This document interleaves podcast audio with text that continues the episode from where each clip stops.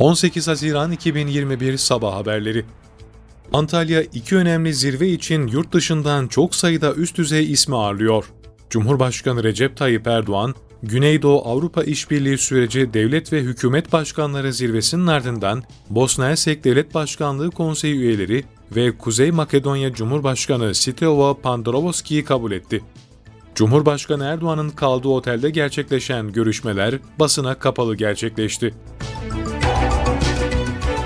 Dışişleri Bakanı Mevlüt Çavuşoğlu, Avrupa Birliği Dış İlişkiler ve Güvenlik Politikası Yüksek Temsilcisi Joseph Borrell ile bugün ikili görüşme gerçekleştirecek.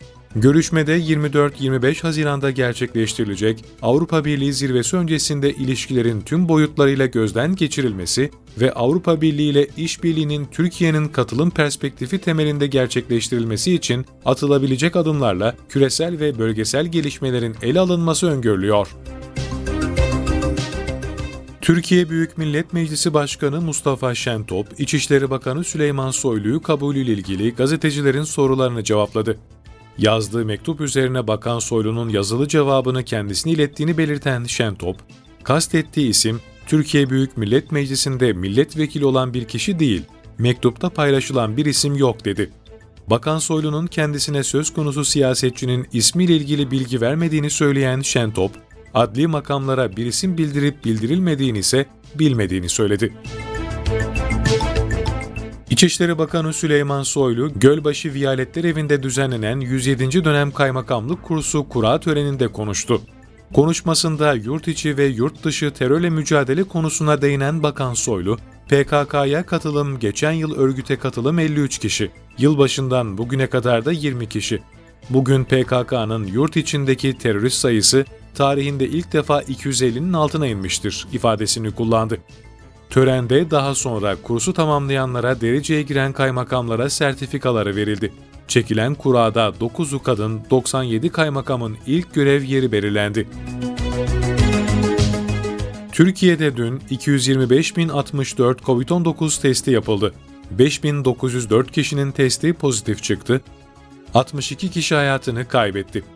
Toplam test sayısı 57 milyon 889 bin 862 ulaştı.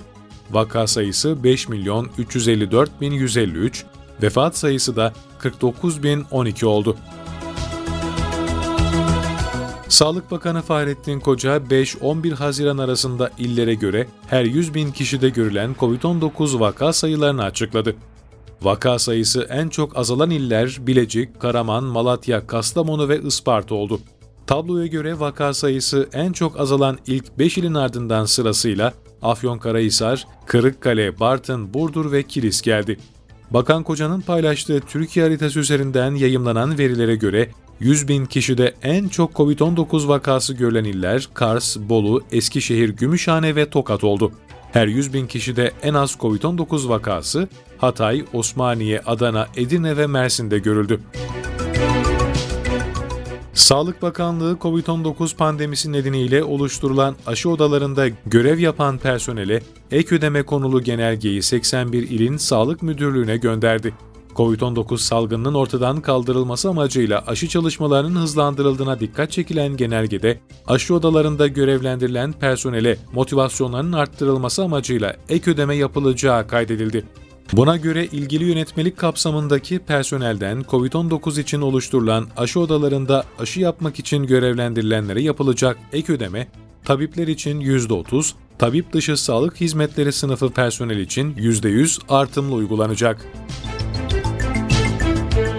Beyaz Saray Cumhurbaşkanı Recep Tayyip Erdoğan, Amerika Birleşik Devletleri Başkanı Joe Biden görüşmesinde iki ülkenin Kabil Havalimanı konusunda genel bir mutabakata vardığını ve Biden'ın bu sürece destek verdiğini belirtti.